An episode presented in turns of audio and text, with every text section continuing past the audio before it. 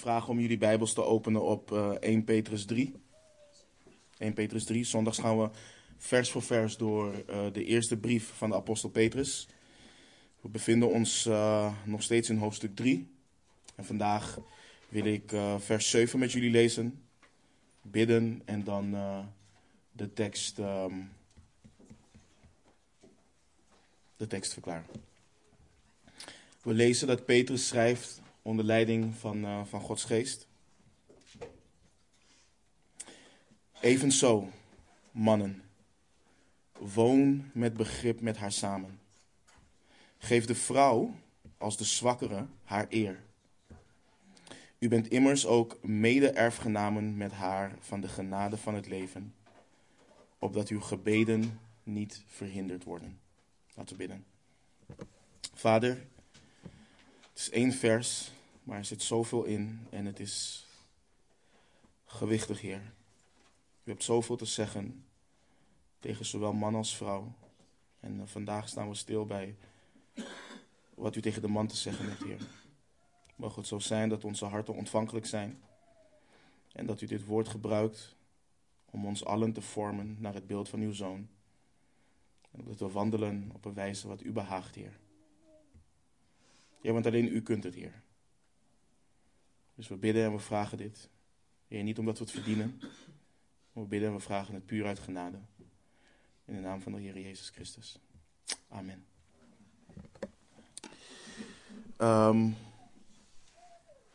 de bijbelse rollen van, uh, van man en vrouw is iets wat, wat me echt aan het hart gaat. Um, Hetzelfde geldt voor ouderschap. Maar Petrus heeft het in zijn brief heeft hij het niet over uh, ouderschap. Dus daar gaan we in deze serie ook niet bij, uh, bij stilstaan. Maar over man en vrouw, daar, daar schrijft hij natuurlijk wel over. En vorige week hebben we stilgestaan bij de aansporing aan vrouwen die leven met een man die het woord van God ongehoorzaam zijn. Um, Petrus schreef onder leiding van de geest dat vrouwen in die situatie hun mannen onderdanig dienen te zijn. Uh, we hebben erbij stilgestaan dat de schrift het verder trekt dan alleen vrouwen die leven met ongelovige of ongehoorzame mannen. Dit is het gebod. Dit is een gebod wat ligt in de, in de scheppingsorde. Maar specifiek in deze context wil Petrus dat vrouwen in hun onderdanigheid een reine levenswandel hebben in de vrezen des Heren. Opdat hun ongehoorzame mannen dat waarnemen en zonder woorden gewonnen mogen worden. Petrus zette uiteen uh, wat een vrouw dient te kenmerken. Haar sieraad moet niet bestaan in iets uiterlijks. Bijvoorbeeld het vlechten van het haar, het dragen van gouden sieraden of het aantrekken van mooie kleren. Uh, dat is niet wat de vrouw hoort te kenmerken, maar we hebben ook gezien, um, Petrus legt geen verbod op het vlechten van het haar. Hij legt geen verbod op sieraden, hij legt geen verbod op mooie kleding of wat dan ook. Hij laat simpelweg zien dat dit niet hetgeen is wat de christelijke vrouw hoort te kenmerken. Haar, haar, haar eigen hart hoort niet gezet te uh, zijn op, op, op deze dingen. Dat hoort niet haar sieraad te zijn, het hoort niet haar te sieren. Maar haar sieraad hoort te zijn de verborgen mens van het hart.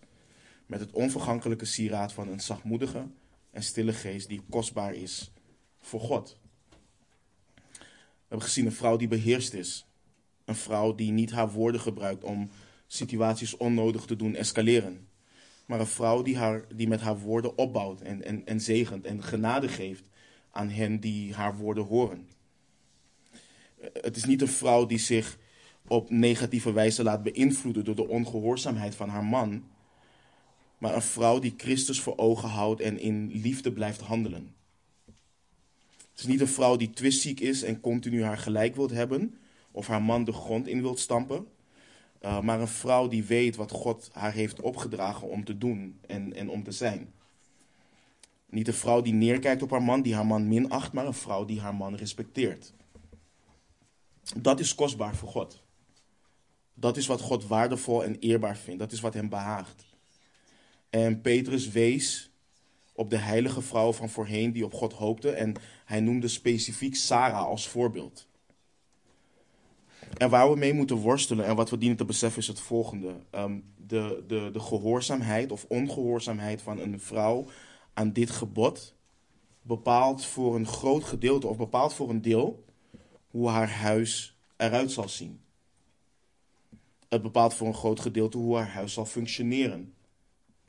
En vaak willen we dit niet onder ogen zien. Hè. Het bepaalt voor een groot gedeelte ook de weg waarop je kinderen zullen gaan. De keuzes die ze zullen maken. Dit is, dit is onder andere waarom ik hier gepassioneerd over ben. Want we verwachten de komst van onze heren. Maar we moeten niet naïef zijn over het feit dat we wel een verantwoordelijkheid hebben om de volgende generatie te discipelen. Met de verwachting die we hebben van zijn komst. En dat is waarom ik dus hier gepassioneerd over ben. Want ongehoorzaamheid aan dit is, is, is zonde. En zonde is nooit geïsoleerd. Zonde heeft nooit betrekking op alleen de persoon die de zonde begaat. Een opstandige vrouw thuis is een opstandige vrouw in de gemeente. Het is een opstandige werknemster als ze werkt. Het is een opstandige moeder. Waarom? Omdat opstandigheid een kwestie is van, een hart, van het hart. Het is ook nooit, ach ja, ik onderschik me alleen niet aan mijn man, verder onderschik ik me wel aan de heren of aan mijn werkgever. Nee, opstandigheid aan je man is opstandigheid aan de heren. Want door opstandig te zijn aan je man negeer je het gebod van de God die je beleidt te willen eren. Dus zo ver gaat dit. En dit moeten we dus voor ogen houden. Dit is geen geïsoleerde zaak. Dit is onderdeel van de reine levenswandel. Dit is onderdeel van heilig wandelen. Dit is onderdeel van het onthouden van de vleeselijke begeerten die strijd voeren tegen de ziel. En Petrus schrijft dit aan hen die door moeilijkheden heen gaan. Hoe en, en hoe inzichtelijk is dit voor ons? Want vervolging, verdrukking, lastering, trauma's, niets is een excuus voor Petrus. Het is niet dat hij daar geen rekening mee houdt. En het is ook niet alsof de vrouwen en de mannen in die tijd geen moeilijkheden hadden. Het is juist daarom, om die reden dat hij dit schrijft. Niets geeft dus vrij spel, niet aan vrouwen, maar ook niet aan mannen.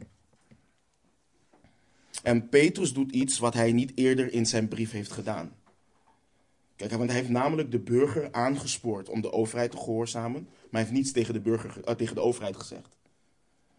Hij heeft de slaaf aangespoord om hun meester onderdanig te zijn, maar hij heeft niets tegen de meester, tegen de Heer gezegd. Hij heeft de vrouw aangespoord, maar nu spreekt hij wel de man aan. En het blijft mij verbazen op een hele positieve manier hoe belangrijk en hoe onmisbaar. Oh, is iemand aan de deur? hoe onmisbaar de gemeente is in het bouwen van sterke, gezonde en God verheerlijkende huwelijken. Dit is zo cruciaal, dit is essentieel. En weet je, je hebt. De mogelijkheid bestaat dat er mensen de gemeente binnenkomen die niet oprecht zijn. En die dit soort uitspraken over het belang van de gemeente met betrekking tot huwelijken dat gaan misbruiken. Ze gaan vroeten in huwelijken en maken huwelijken kapot. Dat gevaar bestaat. Dat gevaar bestaat net zo goed voor ouderlingen die dingen hebben meegemaakt. En er nieuwe mensen de gemeente inkomen en ook kunnen denken van... hey, is dat nou een, een wolf of een schaap in... Uh, um, of een wolf in schaapskleding, sorry. Maar dat kan mij en de rest van de broeders niet weerhouden in het doen van wat we moeten doen. We moeten gewoon gehoorzaam zijn. En zo hebben we elkaar nodig in het gehoorzaam zijn. In, uh, aan hier wat, wat, wat, wat Petrus schrijft. En Petrus spreekt dus de man aan. En het lijkt hier alsof Petrus bijna anticipeert op de gedachten die kunnen volgen uit de eerste zes versen. Oké, maar als we dit zeggen, als we dit schrijven, biedt dit geen ruimte dan aan de man om te heersen over zijn vrouw? Biedt dit geen ruimte voor de gedachte dat man meer is dan vrouw. Biedt dit geen ruimte dat een man kan doen met zijn vrouw wat hij wilt. Dat hij haar kan gebruiken als een voetveeg als het ware. En Petrus tackelt die gedachte met dit ene vers. Met dit ene vers. En de oproep van Petrus aan mannen is een, tijds, een tijdloze, en een hele noodzakelijke oproep. Dat is tijdloos en noodzakelijk. En ik wil eerst dus dat we vers 7 ontleden en daarna een stuk breder, net zoals we vorige week ook met de vrouw hebben gedaan, een stuk breder gaan kijken naar de man. Ik zei vorige week vrouwen, van, vandaag zijn wij mannen aan de beurt. Maar laten we vers 7 weer lezen. Evenzo mannen, woon met begrip met haar samen. Geef de vrouw als de zwakkere haar eer. U bent immers ook mede-erfgenamen met haar van de genade van het leven, opdat uw gebeden niet verhinderd worden. Dus Petrus biedt nogmaals geen ruimte om vers 1 tot en met 6 te laten misbruiken om een razende dictator in je huis te zijn. Petrus geeft die ruimte niet, God geeft die ruimte niet, de schrift geeft die ruimte niet. Hij doet iets wat revolutionair was in die tijd.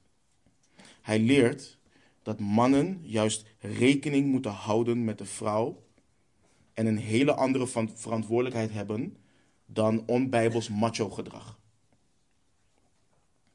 Hij moet met begrip met haar samenwonen.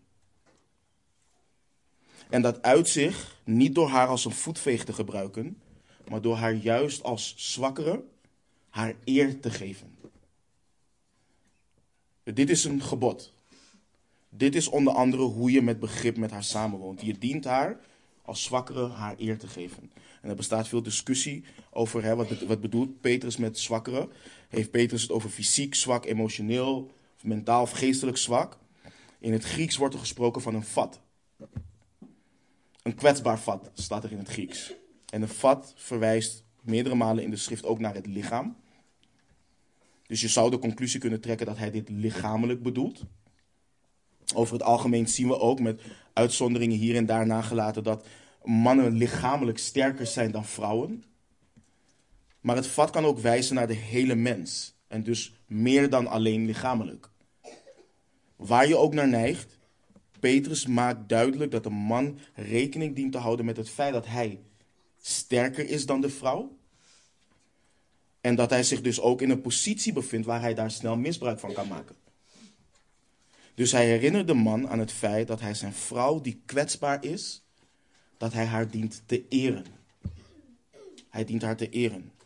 Hij dient in te zien dat zijn vrouw waarde heeft. Dat ze geen tweederangs mens is, omdat hij haar hoofd is.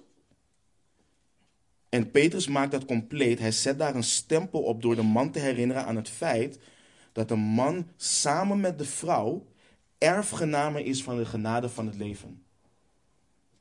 Dit is ongekend om dit te schrijven in die tijd.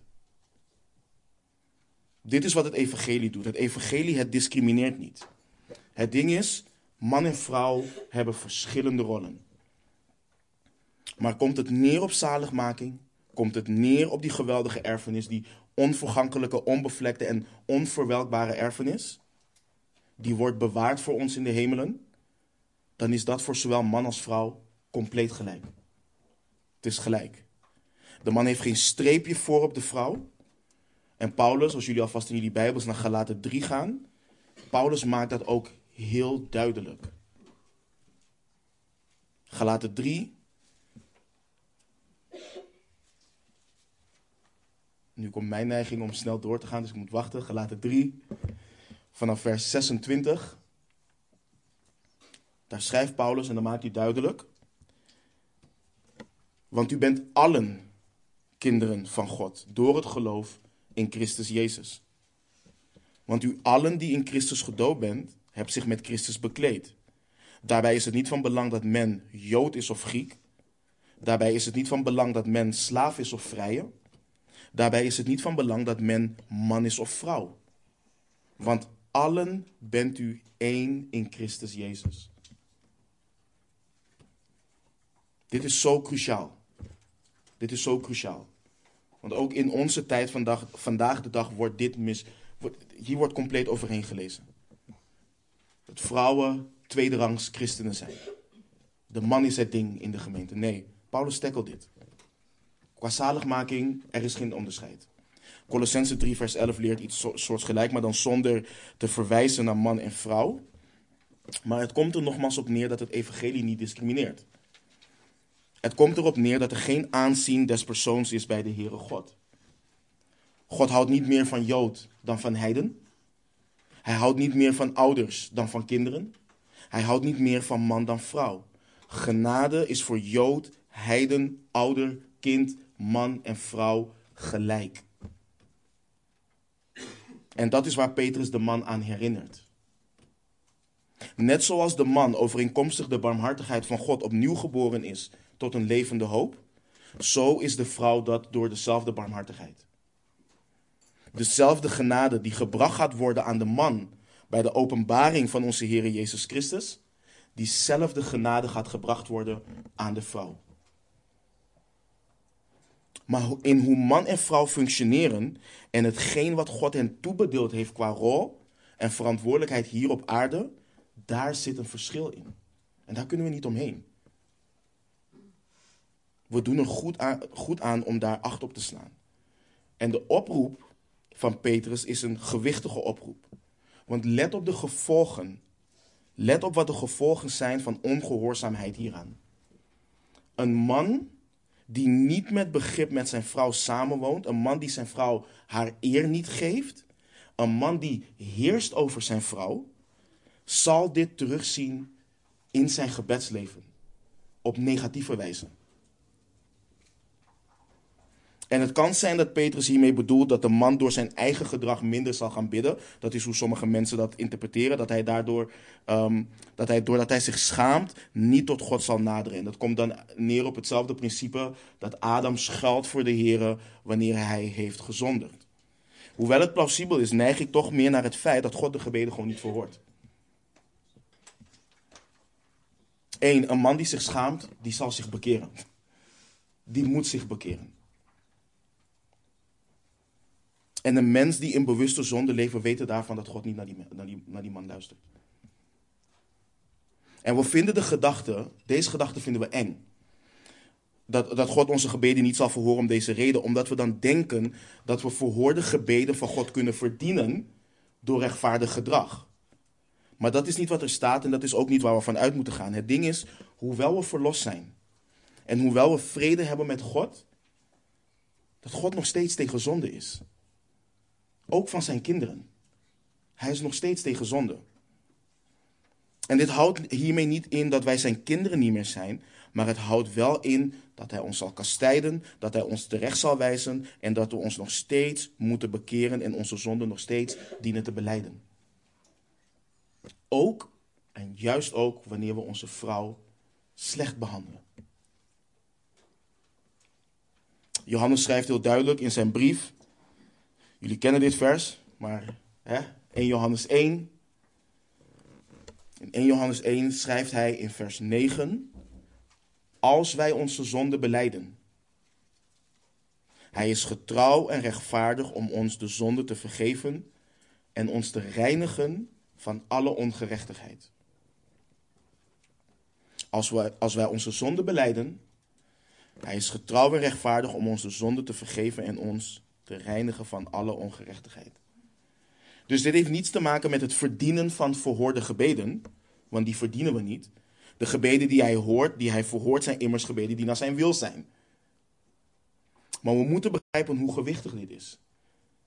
We moeten begrijpen hoe serieus God met het huwelijk omgaat. Hoe serieus hij kijkt naar de rol van een man. Hoe belangrijk hij het, hij het vindt dat een man zijn vrouw eert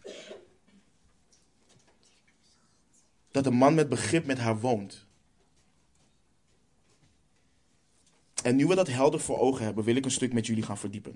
Ik wil met jullie gaan kijken hoe dit wat we zojuist hebben behandeld valt binnen de algehele roeping van de man. Want de bijbelse gedachte van mannelijkheid, zowel geestelijk als hoe dat tot uiting komt, is compleet verloren hier in Nederland. En ook in de kerk. En ook al hebben we uitgebreid stilgestaan bij Bijbelse mannelijkheid in de serie Een Sterk Huis wil ik vandaag wat compacter dan toen dit goed op ons netvlies krijgen als mannen. Dus ik wil jullie vragen om in jullie Bijbels alvast naar Efeze 5 te gaan. En als je een lintje hebt, je, Bijbel, je lintje ook te zetten op Colossense 3. En ik wil geestelijk en praktisch met jullie hiernaar kijken. Maar vooral laten zien hoe het geestelijke overstijgt en daaruit het praktische voortvloeit. Laten we beginnen met Efeze 5. Dan wil ik vanaf vers 25 met jullie lezen.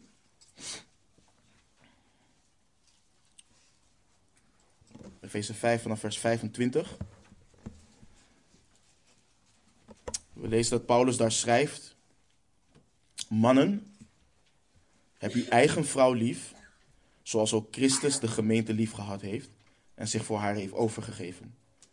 Opdat hij haar zou heiligen door haar te reinigen met het waterbad door het woord, opdat hij haar in heerlijkheid voor zich zou plaatsen. Een gemeente zonder smet of rimpel of iets dergelijks, maar dat zij heilig en smetteloos zal zijn. Zo moeten de mannen hun eigen vrouwen lief hebben als hun eigen lichamen. Wie zijn eigen vrouw lief heeft, heeft zichzelf lief. Want niemand heeft ooit zijn eigen vlees gehaat, maar hij voedt en koestert het, zoals ook de Heere de gemeente. Want wij zijn leden van zijn lichaam, van zijn vlees en van zijn gebeente. Daarom zal een man zijn vader en moeder verlaten en zich aan zijn vrouw hechten. En die twee zullen tot één vlees zijn. Dit geheimenis is groot. Maar ik spreek met het oog op Christus en de gemeente. Kortom, ook u moet, ieder in het bijzonder, uw eigen vrouw net zo lief hebben als uzelf. En de vrouw moet ontzag hebben voor haar man. En in Colossense 3, Colossense 3, lezen we in vers 19, dat is één vers.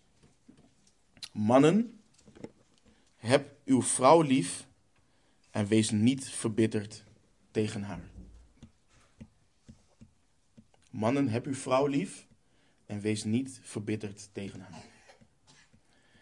Vraag je de gemiddelde, christelijke man wat hun roeping is als getrouwde man, dan of weten ze het niet, of krijg je het antwoord dat hun roeping is om, vrouw, om hoofd te zijn en om leider te zijn van hun vrouw.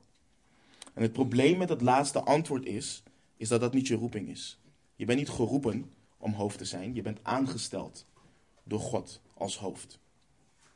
Alleen die nuance al, alleen die nuance al beschermt jouw hart als man om te denken dat je bepaalde zaken moet doen om hoofd te worden of om leider te worden van je vrouw. Nee, je bent hoofd. Dat heeft God bepaald. Wat je hoort te doen is wandelen in hetgeen wat God heeft bepaald. Maar in zijn hoofdschap krijgt de man een aantal aansporingen. En ik hoop, broeders en zusters, vooral mijn broeders, de belangrijkste, de allerbelangrijkste aansporing die de christelijke man krijgt, is het liefhebben van zijn vrouw. Ik wil dat iedere man die hier is of luistert naar deze dienst, gehuwd of ongehuwd, begrijpt dat dit jouw roeping is als man. Dit is jouw roeping. Jouw vrouw liefhebben.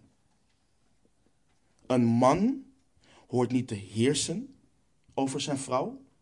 Hij hoort zijn, vrouw, hij hoort zijn hoofdschap niet als stroef te gebruiken over zijn vrouw. Hij hoort niet afstandelijk te doen. Hij hoort niet verbitterd tegen haar te zijn, zoals Paulus dat schrijft in Colossense 3. In het Grieks spreekt verbitterd zijn van vreed zijn. Vreed zijn. Een man hoort niet vreed te zijn tegen zijn vrouw. Hij hoort niet gekenmerkt te worden door boosheid, door irritatie of door ergernis richting zijn vrouw. Hij hoort niet kwaadaardig te zijn. Een man hoort zijn vrouw niet te breken, fysiek niet en mentaal slash geestelijk niet. Hij hoort haar lief te hebben. Maar nu komt het. Een man hoort zijn vrouw niet lief te hebben met zijn eigen definitie van liefde. En ook niet met de definitie die zijn vrouw heeft van liefde. Hij hoort haar lief te hebben zoals het woord van God heeft overgeleverd hoe de man zijn vrouw dient lief te hebben. Wat lazen we in Efeze 5? Zoals ook Christus de gemeente lief gehad heeft en zich voor haar heeft overgegeven. De man hoort zijn vrouw op zelfopofferende wijze lief te hebben. Hij hoort zichzelf te geven voor zijn vrouw. Of hij nou vindt dat zijn vrouw het verdient of niet, is totaal niet relevant. Totaal niet relevant. Of hij vindt dat zijn vrouw goed is of niet, totaal niet relevant. Sterker nog, lees je het boek Hosea, dan heb je helemaal niets te vinden over hoe je denkt dat je vrouw zich uh, gedraagt. Want dat is een man die zijn vrouw door alles heen heeft lief gehad.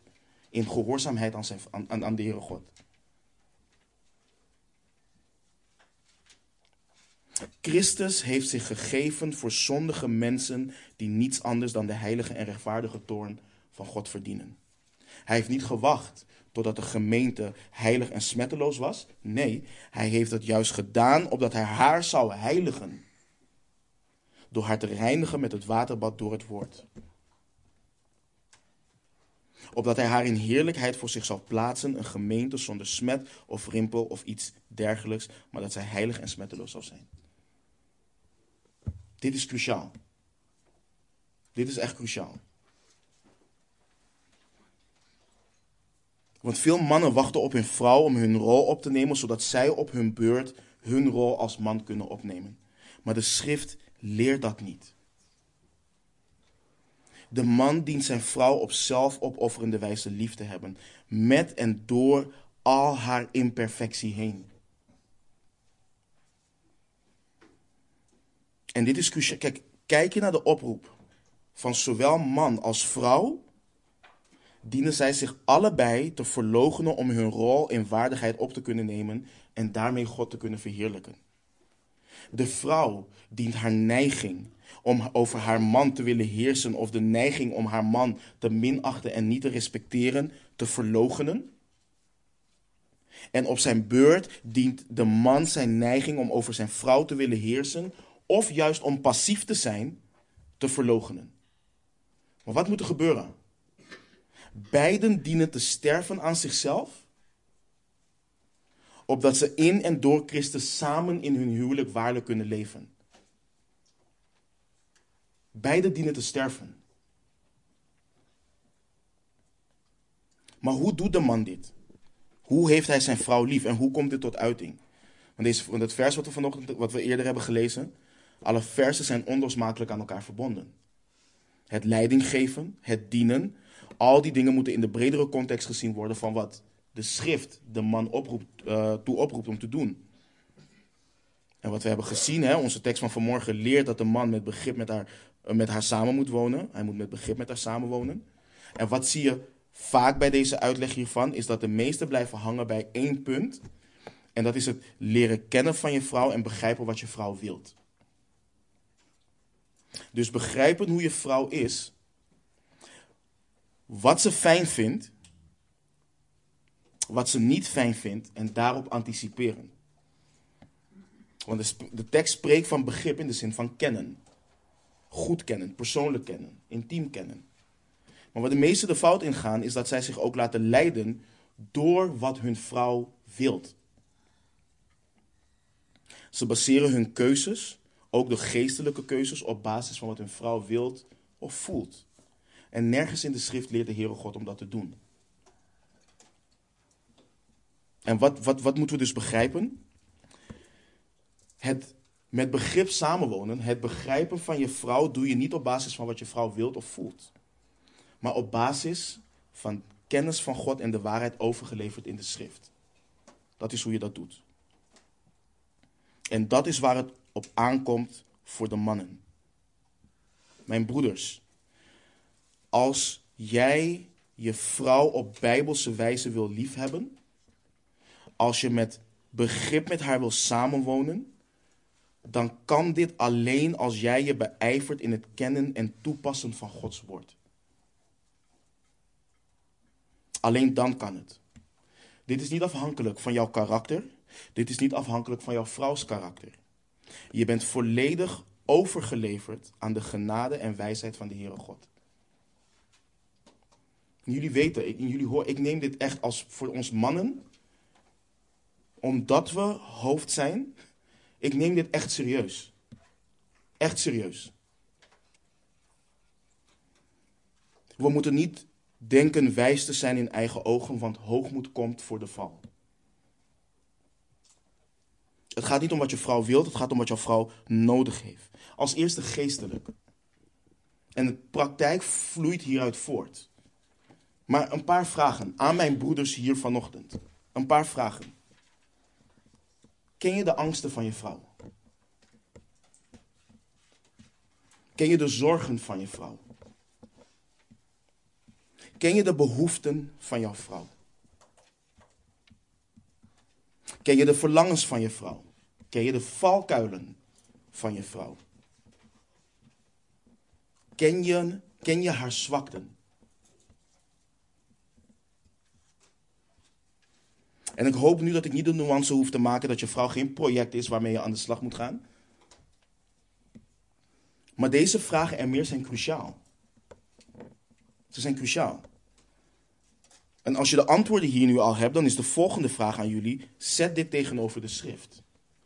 Wat heeft jouw vrouw nodig en hoe voorzie je hierin? Hoe discipel je haar hierin?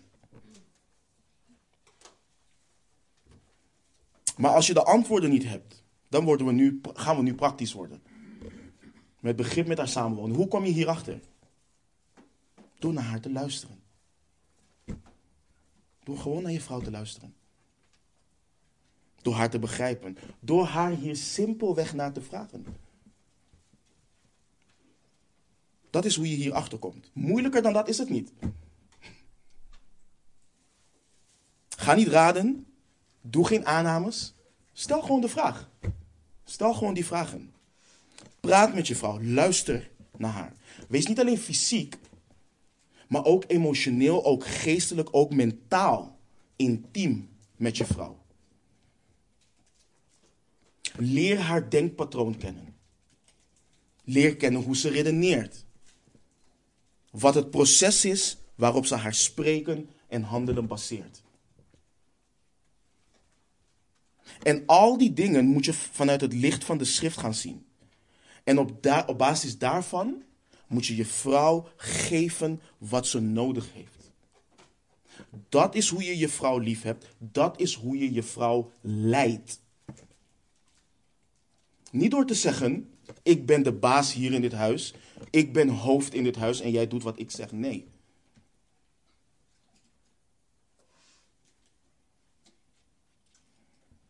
Dit is hoe je dat doet. En het is zo bizar dat mannen vaak bezig zijn met: oh, mijn, mijn vrouw die wil deze kleur tafel. En ik heb haar lief door haar haar zin te geven.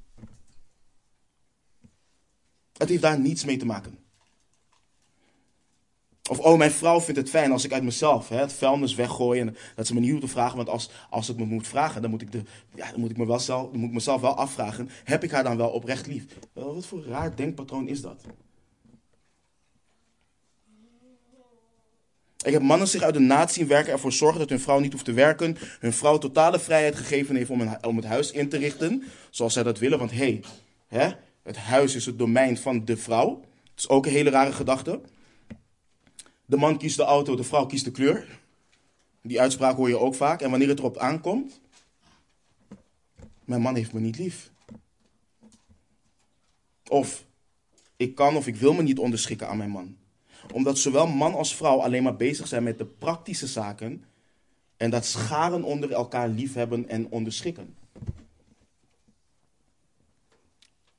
Maar we hebben gezien, het huwelijk is het beeld van Christus en de gemeente.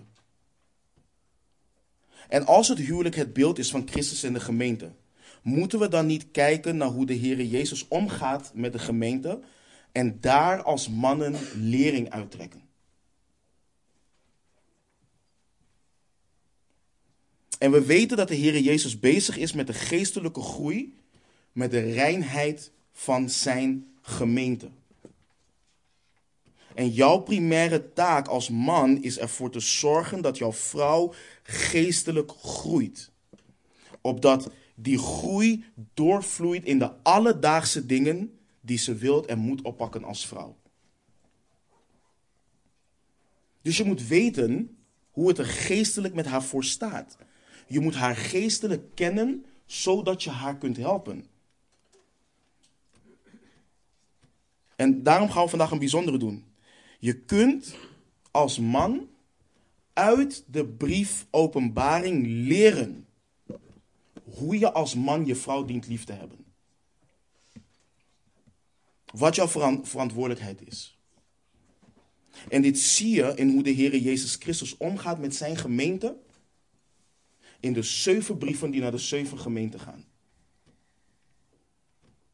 We beginnen als eerste met het feit, als je, naar je, als je naar openbaring gaat, en daar kun je even blijven.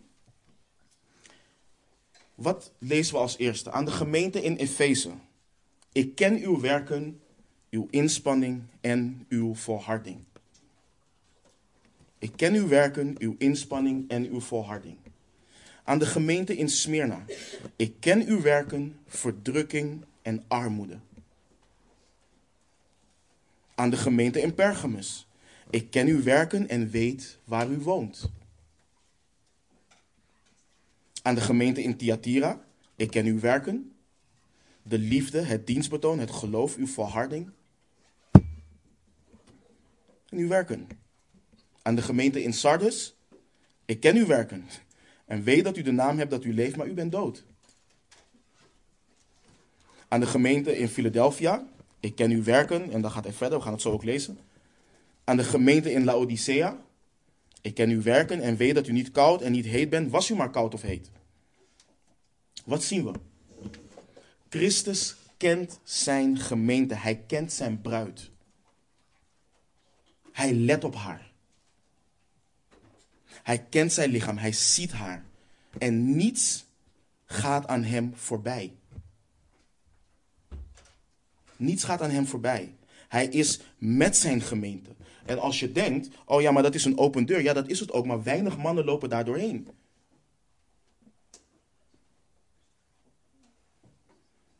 Er zijn te veel mannen die ervan uitgaan dat hun vrouw het wel zegt wanneer het nodig is. Maar daar kun je niet van uitgaan. Jij moet als man je beijveren om jouw vrouw te kennen. Jij moet de moeite doen om met haar te zijn, om tijd met haar door te brengen, om naar haar te luisteren. Handel niet naar het beeld wat de wereld schetst over mannen, dat mannen niet zien, dat alles aan mannen voorbij gaat, dat ze emotioneel zwak zijn. Doe het niet. Wij zijn nieuwe scheppingen in Christus.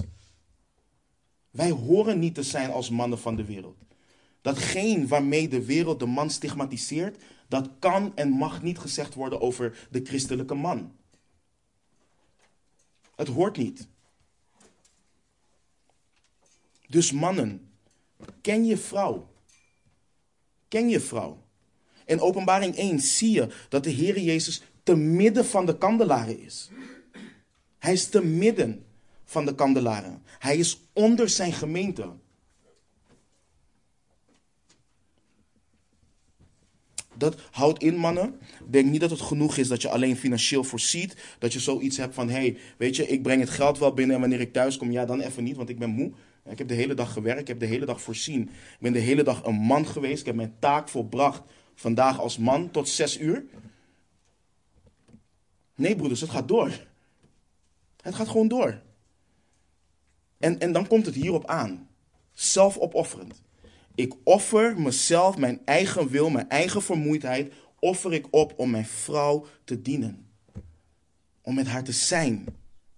Want ook zij heeft de hele dag haar taak als vrouw op zich genomen. En ze heeft nu de zorg van haar man nodig. Ze heeft nu de ontferming van haar man nodig. Ze heeft het nu nodig om met haar man te kunnen praten, om te kunnen delen waar ze tegenaan loopt.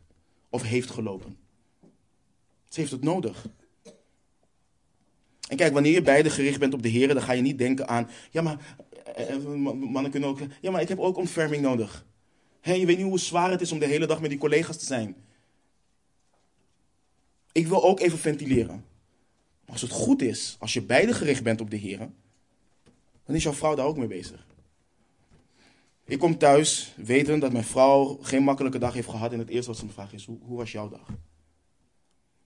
En het is dan mij om te zeggen, nee, weet je, het komt. Hoe was de jouwe? Laten we het over jou hebben. Hoe was jouw dag? Maar het begint bij het feit dat ik voor haar, dat ik voor ogen moet hebben dat ik haar wil dienen. Daar begint het. Dus nogmaals, broeders, ken je vrouw. Ken jouw vrouw. Maar het gaat verder. En hier slaan, slaan mannen vaak ook de plank mis. Dat ze zich laten leiden door de gevoelens van hun vrouw. Ik heb al benadrukt. Het gaat om wat jouw vrouw nodig heeft, niet wat ze wilt. Wat hadden sommigen van de gemeente nodig? Wat hadden die gemeente nodig? Sommigen hadden bemoediging en terechtwijzing nodig. Sommigen hadden alleen bemoediging en bevestiging nodig. Sommigen hadden terechtwijzing alleen nodig. Maar wat deed de Heer Jezus? Hij liet weten wat er nodig was. Hij liet weten wat er nodig was. Laten we beginnen met bemoediging. Ik heb mannen horen zeggen: Ik prijs de Heer, niet mijn vrouw, want alle eer komt de Heer God toe. Luister, hou daarmee op. Ja? Spreuken 31, vers 28 tot met 30. Haar kinderen staan op en prijzen haar gelukkig. Ook haar echtgenoot roemt haar. Het is niet vroom. Prijs je vrouw. Roem je vrouw. Een man hoort zijn vrouw te bemoedigen. Hij hoort haar te prijzen. Hij hoort haar te roemen. Hij hoort haar op te bouwen. Dat is wat de Heer Jezus doet met de gemeente. Aan de gemeente in Efeze. Ik ken uw werken, uw inspanning en uw volharding. En weet dat u slechte mensen niet kunt verdragen. En dat u hen op de proef hebt gesteld die van zichzelf zeggen dat zij apostelen zijn, maar het niet zijn. En dat u hebt ontdekt dat zij leugenaars zijn. En u hebt moeilijkheden verdragen en volharding getoond. Om mijn naam hebt u zich ingespannen en u bent niet moe geworden. Aan de gemeente in Smyrna. Ik ken uw werken, verdrukking en armoede. U bent echter rijk. En ik ken de lasteringen, of de lastering van hen die zeggen dat zij Joden zijn, maar het niet zijn. Zij zijn namelijk een synagoge van de Satan. Wees niet bevreesd voor wat u lijden zult. Zie, de duivel zal sommigen van u in de gevangenis werpen, opdat u verzocht wordt. En u zult een, onderdrukking, of u zult een verdrukking hebben van tien dagen. Wees trouw tot in de dood en ik zal u de kroon van het leven geven. Aan de gemeente in Pergamus. Ik ken uw werken en weet waar u woont, namelijk waar de troon van de Satan is. U houdt vast aan mijn naam en u hebt het geloof in mij niet verlogend, zelfs niet in de dagen van Antipas, mijn trouwe getuige die gedood werd bij u, waar de Satan woont. In de gemeente in Thyatira, ik ken uw werken, de liefde, het dienstbetoon, het geloof, uw volharding en uw werken, en ook dat de laatste meer zijn dan de eerste. Aan de gemeente in Philadelphia heeft hij alleen maar lof. En aan Sardis en Laodicea heeft hij niets goeds te zeggen. Dat zijn alleen maar woorden van vermaning. En dat brengt me echt op een volgend cruciaal punt. Cruciaal. Maar ik weet voor velen ook, ik weet niet hier, maar voor velen een gevoelig punt. Mannen zijn tegenwoordig bang voor hun vrouwen. Ik begrijp het niet, maar het gaat niet om wat ik vind, maar het is gewoon volstrekt onbijbels. Het is onbijbels. Mannen laten hun vrouwen wegkomen met de meest afgrijzelijke zonde en het is onacceptabel. Het is God onerend en het is levensgevaarlijk. En sommigen doen het omdat ze geen zin hebben in gedoe en geven dus hun vrouw in alles hun zin. Of ze zijn bang omdat ze weten hoe hun vrouw kan worden en om de goede vrede te bewaren zeggen ze niets. Het kan niet. Het kan niet. Ons hoofd, Christus, zegt tegen de gemeente, aan de gemeente in Efeze, maar ik heb tegen u, ik heb tegen u dat u uw eerste liefde hebt verlaten. Bedenk dan van welke hoogte u bent gevallen en bekeer u en doe de eerste werken, maar zo niet, dan kom ik spoedig bij u en zal uw kandelaar van zijn plaats wegnemen als u zich niet bekeert. aan de gemeente in Pergamus. Maar ik heb enkele dingen tegen u, namelijk dat u daar mensen hebt die zich houden aan de leer van Biliam, die Balak leerde voor de Israëlieten een struikelblok neer te leggen, opdat zij afgodenoffers zouden eten en hoererij bedrijven. Verder zegt hij ook, zo hebt u er ook die zich houden aan de leer van de Nicolaïten, en dat haat ik. Bekeer u, en zo niet, dan kom ik spoedig bij u en zal ik tegen hen oorlog voeren met het zwaard van mijn mond. aan de gemeente in Thyatira, maar ik heb enkele dingen tegen u. Dat u die vrouw Isabel, die van zichzelf zegt dat ze een profetes is, ongemoeid haar gang laat gaan om te onderwijzen en mijn dienstknechten te misleiden, zodat zij hoererij bedrijven en afgodenoffers eten. Aan de gemeente in Sardis, ik ken uw werken en weet dat u de naam hebt dat u leeft, maar u bent dood. Wees waakzaam en versterk het overige dat dreigt te sterven, want ik heb uw werken niet vol bevonden voor God. Bedenk dan hoe u het hebt ontvangen en gehoord en houd het vast en bekeer u. Als u dan niet waakzaam bent, zal ik bij u komen als een dief en u zult beslist niet weten op welk uur ik bij u zal komen. Aan de gemeente in Laodicea, ik ken uw werken en weet dat u niet koud en niet heet bent. Was u maar koud of heet, maar omdat u lauw bent en niet koud en ook niet heet, zal ik u uit mijn mond spuwen. Want u zegt, ik ben rijk en steeds rijker geworden en heb aan niets gebrek. Maar u weet niet dat, u, dat juist u ellendig, beklagenswaardig, arm, blind en naakt bent. Ik raad u aan dat u van mij goud koopt, gelouterd door het vuur, opdat u rijk wordt. En witte kleren, opdat u bekleed bent en de schande van uw naaktheid niet openbaar wordt. En salf uw ogen met ogensalf, opdat u zult kunnen zien. In vers 19 van hoofdstuk 3 zegt hij: Ieder die ik lief heb, wijs ik terecht en bestraf ik. Wees dan ijverig en bekeer u. Ieder die ik lief heb. En volgens mij is het duidelijk, althans ik hoop dat het duidelijk is, dat mannen hun vrouwen niet fysiek horen te bestraffen. Blijf wat dat betreft op dat gebied van je vrouw af. Maar als je je vrouw lief hebt, als je zegt je vrouw lief te hebben, dan kun je je vrouw die beleidt een discipel van de Heer Jezus te zijn nooit, maar dan ook nooit laten wegkomen met zonde. Het bestaat niet.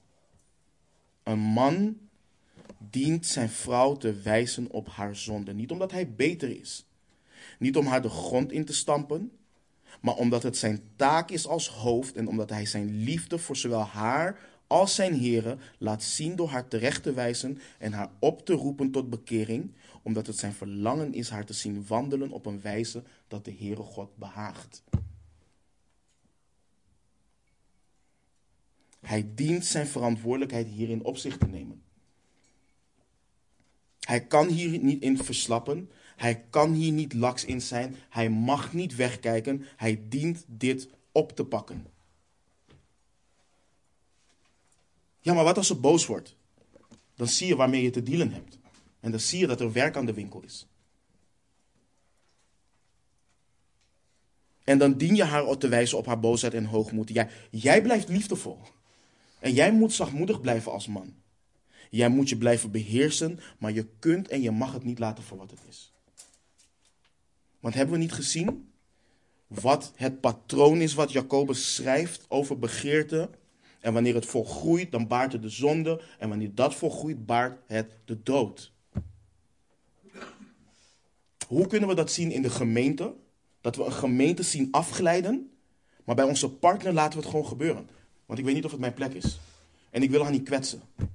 Broeder, onacceptabel. Dat kan niet.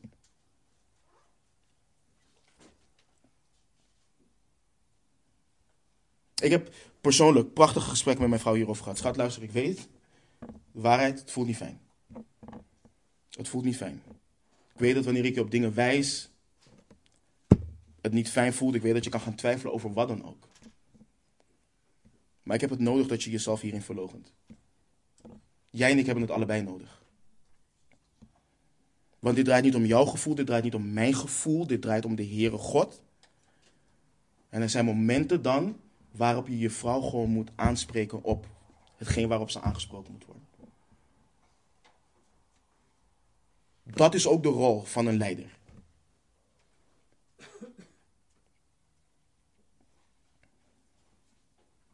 Zonde blijft zonde. En, en, en, en dat is bijvoorbeeld in mijn huis, ik deel alles met mijn vrouw.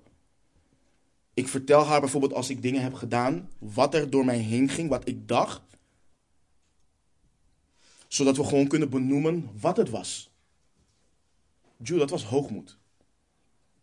Jew, dat was boosheid. Jew, dat was welke zonde ook. Andersom ook, Jew, dat was gewoon hoogmoed. Het kan niet. Dat is wat er leeft. Een tijd geleden hadden we een gesprek over opvoeding. Voor waarom lukken bepaalde dingen bij mij wel en bepaalde dingen bij haar niet. En zonder bang te hoeven zijn voor haar reactie of wat dan ook. Gewoon met haar gedeeld. Gewoon gezeten. Observaties gedaan. Dit is waar het fout gaat. En dit is wat je anders hoort te doen. En weet je, dan zijn er verklaringen, ja, maar ik doe dit om deze reden. Ik begrijp het. Maar die verklaringen helpen je niet. Als je wil dat het goed gaat, dan moet je dit doen. Dat is de rol van een leider. Het gaat er niet. Het, de wereldse definitie van leiderschap, dat je de baas bent en dat jij alles. Dat is niet waar de schrift over spreekt. Dit is dienend leiderschap. Zien waar het fout gaat en helpen. Dienen. Dat is waar het om draait. En dat zijn eerlijke, maar liefdevolle gesprekken die je voert met elkaar als man en vrouw. En nogmaals, ik neem die rol serieus. Ik neem mijn rol als man van mijn vrouw serieus, want het is iets wat God ook heel serieus neemt.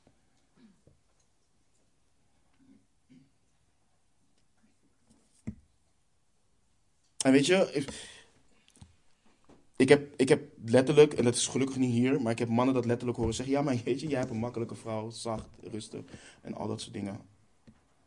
En ik, die gedachte bij mij, het, gaat, het, gaat, het, doet pijn, het is slecht. Want dan impliceer je dat mijn vrouw niet die worsteling heeft, ook met het vlees, die iedere christen heeft. Het onderdanig zijn, het onderschikken is voor iedere vrouw is dat iets. Want het, het gaat tegen het gevallen vlees in.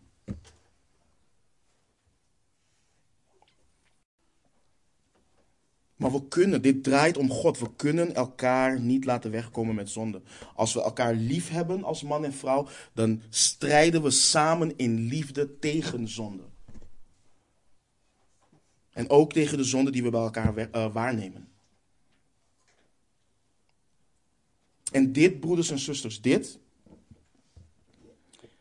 wanneer, wanneer Paulus een titel schrijft, dan zegt hij: spreek wat bij de gezonde leer past. En de gezonde leer bouwt op. Dit is wat sterke gemeenten bouwt. Dit is wat sterke gemeenten bouwt. We hadden het afgelopen woensdag ook hierover. Als iedere man, let op, als iedere man ongehoorzaam is aan zijn rol, wat God heeft gegeven, dan heb je geen ouderlingen in de gemeente. Je hebt geen ouderlingen in de gemeente. Want in 1 Timotheus 3 staat, hij moet goed leiding kunnen geven aan zijn vrouw. Dus let op hoe ver dit gaat. Als iedere vrouw haar rol niet opneemt, dan wordt het woord van God gelasterd. We lezen het in Titus 2. Zo ver gaat dit. Dit bouwt sterke gemeenten. Het bouwt sterke huizen. Dus een man, hij kent zijn vrouw, als hij met begrip met haar wil samenwonen, hij kent zijn vrouw. Hij bemoedigt en hij bevestigt zijn vrouw. Hij bouwt haar op, maar hij wijst haar ook terecht. En dit is allemaal onderdeel van het eren van je vrouw, het liefhebben van je vrouw, het dienen van je vrouw. Dit hoort er allebei, allemaal bij. En dan is er nog één cruciaal onderdeel wat we niet over het hoofd mogen zien. Let op wat er in Romeinen 8, vers 34 staat. Romeinen 8, vers 34. Paulus schrijft: Wie is het die verdoemt?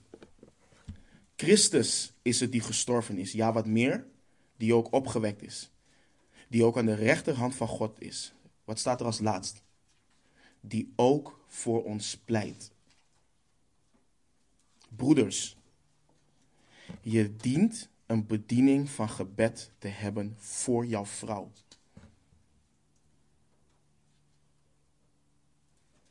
Doe voorbeden voor jouw vrouw.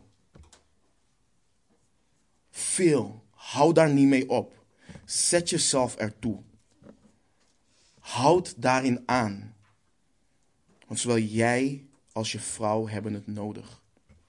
Bid voor je vrouw. Ook wanneer je haar bijvoorbeeld op zonde dient te wijzen, dat haar hart ontvankelijk mag zijn, dat jouw hart vol van genade is. Niet alleen met waarheid, maar ook vol van genade. Dat de vrede mag regeren. Maar ook de, de gebeden dat God ook haar eigen ogen opent en dat ze mag groeien in genade om haar rol als vrouw te kunnen vervullen. Weet je, het is één hè, als je gaat zeggen, ja, nou, ik heb een opstandige vrouw. Maar je bidt niet voor haar. Hoe dan? Het kan niet. Jouw vrouw heeft het nodig dat je voor haar bidt. Dat je voorbeden voor haar doet. Dus praktisch. Dit, dit gaat niet om wie kookt in huis. Dit gaat niet over wie de was of de afwas doet. Dit gaat niet over wie maakt de keuzes over waar gaan we naartoe op vakantie. Daar gaat dit allemaal niet over. Al die dingen kun je afspraken over maken. Prima, absoluut. Luister, als jouw vrouw beter is dan, dan jij in plannen, laat je vrouw plannen. Ga niet denken omdat je de man bent, van nee, ik moet plannen en dan vergeet je hotel of wat dan ook te boeken en daar staan jullie dan. Laat je vrouw gewoon plannen dan. Daar gaat dit niet over. Het gaat vooral over het geestelijke waar vervolgens het praktische uit voortvloeit. Want het is omdat ik mijn vrouw ken, dat ik weet waar zij sterker in is dan ik ben. En er zijn veel dingen waar zij sterker is dan ik, dan ik ben, uh, in ben. En mijn rol als man is dan om haar te, te, te, te dienen en, haar, en ervoor te zorgen dat waar ze goed in is, dat ze dat goed kan doen.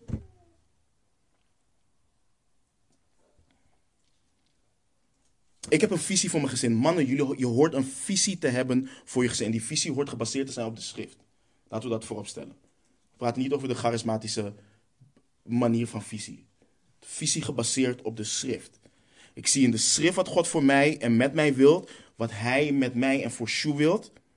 Wat hij met mij en voor mijn kinderen wilt. En op basis daarvan maak ik keuzes in ons huis. En dat is wat een man hoort te doen. En een man dient ook verantwoordelijkheid te nemen voor de keuzes die gemaakt worden. Doe niet dit. Nee, weet je, ik, ik, ik weet niet of ik die keuze voor mijn vrouw kan maken. Ik laat er het wel. Nee. Jij als man, jij maakt de keuze. En de verantwoordelijkheid voor die keuze draag jij ook als man. Dat is wat we horen te doen. Ook als het een verkeerde keuze blijkt te zijn. En laat me daarin echt een belangrijke nuance brengen. Luister. Als jij een keuze wil maken en je vrouw heeft haar ogen open en ziet dat het een verkeerde keuze is, luister ook alsjeblieft gewoon naar je vrouw. Dit neemt niet weg dat je niet naar je vrouw kan luisteren of hoort te luisteren. Dit neemt ook niet weg dat je niet met je vrouw hoort te overleggen. Ik heb de meest rare dingen in kerken gezien. Nee, ik ben, ik ben hoofd. Dus ik overleg niks. Ik bepaal alles. En mijn vrouw moet gewoon achter me aangaan. Nee, Nee, dat is niet wat de Bijbel leert. Maar de, de schrift leert wel dit. Dat als jullie er niet uitkomen en er een keuze gemaakt moet worden, jij moet die keuze maken. En je moet staan voor die keuze. Hetzelfde toen die kinderen van ons naar een nieuwe school gingen. Vrouw had daar angsten over, wist niet zeker van ja of nee. Ik zag wat voor school het was. Ik zeg, die kinderen gaan naar die school. Dit is de school waar ze naartoe gaan. En als het een verkeerde keuze blijkt te zijn, dan neem ik mijn verantwoordelijkheid en dan gaan ze volgend jaar gewoon naar een andere school. Zo simpel is het. Maar je moet die keuze maken. En je moet ook staan en die verantwoordelijkheid moet je dragen, de gevolgen daarvan. Dat is wat wij dienen te doen als mannen. En laat dit voor ons, het volgende voor onze bemoediging zijn voor alle broeders. Voor alle broeders, gehuwd of ongehuwd, en die nog willen gaan trouwen. Niemand, geen enkele man van ons doet dit volmaakt. Niet, niet geen enkele man. God geeft genade en hij geeft geduld om hierin te groeien. Neem dat. Hij geeft genade en geduld om hierin te groeien. Maar net zoals ik tegen de zusters zei vorige week, beijver je als man wel om hierin te groeien. Dat moet je wel doen. Als je steken hebt laten vallen, als je hierin verzaakt, bekeer je. Beleid je zonde aan je vrouw, beleid je zonde aan de Heer. Vraag je broeders om je verantwoordelijk te houden hierin. Ik zeg het vaker, mijn broeders weten en zien wat voor man ik ben voor mijn vrouw. Ze moeten dat ook zien.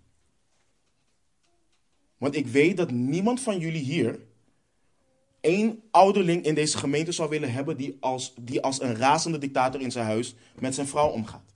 Niemand wil dat. En het hoort ook niet. Dus mijn broeders horen te zien wat voor man ik ben voor mijn vrouw. En zij zien ook wat voor vrouw Shu is voor mij.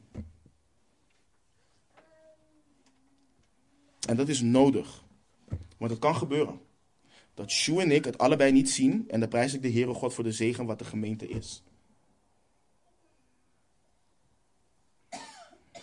Mogen de Heeren allen die getrouwd zijn toerusten. Mogen de Heere God allen die zich voorbereiden op het huwelijk als man ook toerusten en hun denken hernieuwen om een zegen te zijn voor hun huidige of voor de mannen die nog gaan trouwen voor hun toekomstige partner. Maar mannen, woon met begrip samen met je vrouw. En geef haar als zwakkere haar eer. Amen. Laten we bidden. Machtige Vader.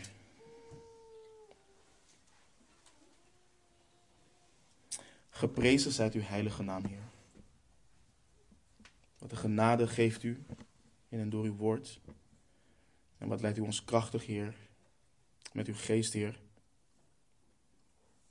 En Vader, we staan stil bij onderwerpen, Heer, die gevoelig, die dichtbij komen, die moeilijk zijn voor sommigen wellicht. Heer, u weet het, u kent de harten. Maar ik bid, Vader, vandaag in het bijzonder voor mijn broeders die getrouwd zijn. Vader, help ons allen. Want we zijn overgeleverd aan uw genade, aan uw wijsheid, aan uw leiding. Vader, rust hen toe die zich voorbereiden op het huwelijk. Vader, rust hen toe die door moeilijkheden gaan in het huwelijk. Heer, u bent de God die nieuw maakt. En u bent bij machten, Heer, dingen te doen die alleen, uh, die alleen u kunt, Heer. Wat bij de mens onmogelijk is, is bij u mogelijk, Heer. Maar laat het zo zijn, Vader, dat alle huwelijken tot eer en glorie van uw heilige naam mogen zijn. Dat het een zegen zal zijn tot elkaar als man en vrouw. Dat het een zegen zal zijn tot de gemeente. Dat het een zegen zal zijn tot daar waar er kinderen in het spel zijn. Dat het een zegen mag zijn, Heer, voor onze omgeving. En dat we door ons huwelijk mogen getuigen van het prachtige beeld van onze Heer Jezus Christus en de gemeente. Heere God, ik besef me, Heer, en ik bid ook voor hen die getrouwd zijn en een partner hebben die niet geloven, Heer. Vader, zij hebben echt uw kracht en uw toerusting nodig, Heer. Want Heer, zij hebben de verlangens dat hun man zal zijn wat u wil dat ze zijn in het woord. En ook zij hebben de verlangen, of het verlangen dat hun vrouw zal zijn wat u zegt dat de vrouw moet zijn in het woord. Maar laat het ongeloof van hun partners, mijn broeders en mijn zusters, niet verhinderen. In hetgeen waartoe u hen hebt geroepen, Heer. Want u hebt hen verzegeld met uw geest. U, hebt hun, u heeft hun ogen geopend. En u geeft genade en kracht om te wandelen in hetgeen waarin u wil dat zij wandelen. Maar we bidden ook vurig, Heer, voor hun ongelovige partners. Heer, dat zij tot geloof mogen komen, dat zij zich mogen bekeren van hun zonde. Dat zij waarlijk het licht mogen zien, Heer. Zegen ook onze kinderen. We danken u voor de rijkdom van onze kinderen. En nogmaals mogen ook zij Heer, de zegen van ons huwelijk zien en mag dat, mogen dat ook hun huwelijken in de toekomst, als u hen dat schenkt, vormen, Heer, ten goede. Als uw naam zijt geprezen. In de heilige en machtige naam van onze Heer Jezus Christus bidden we. Amen.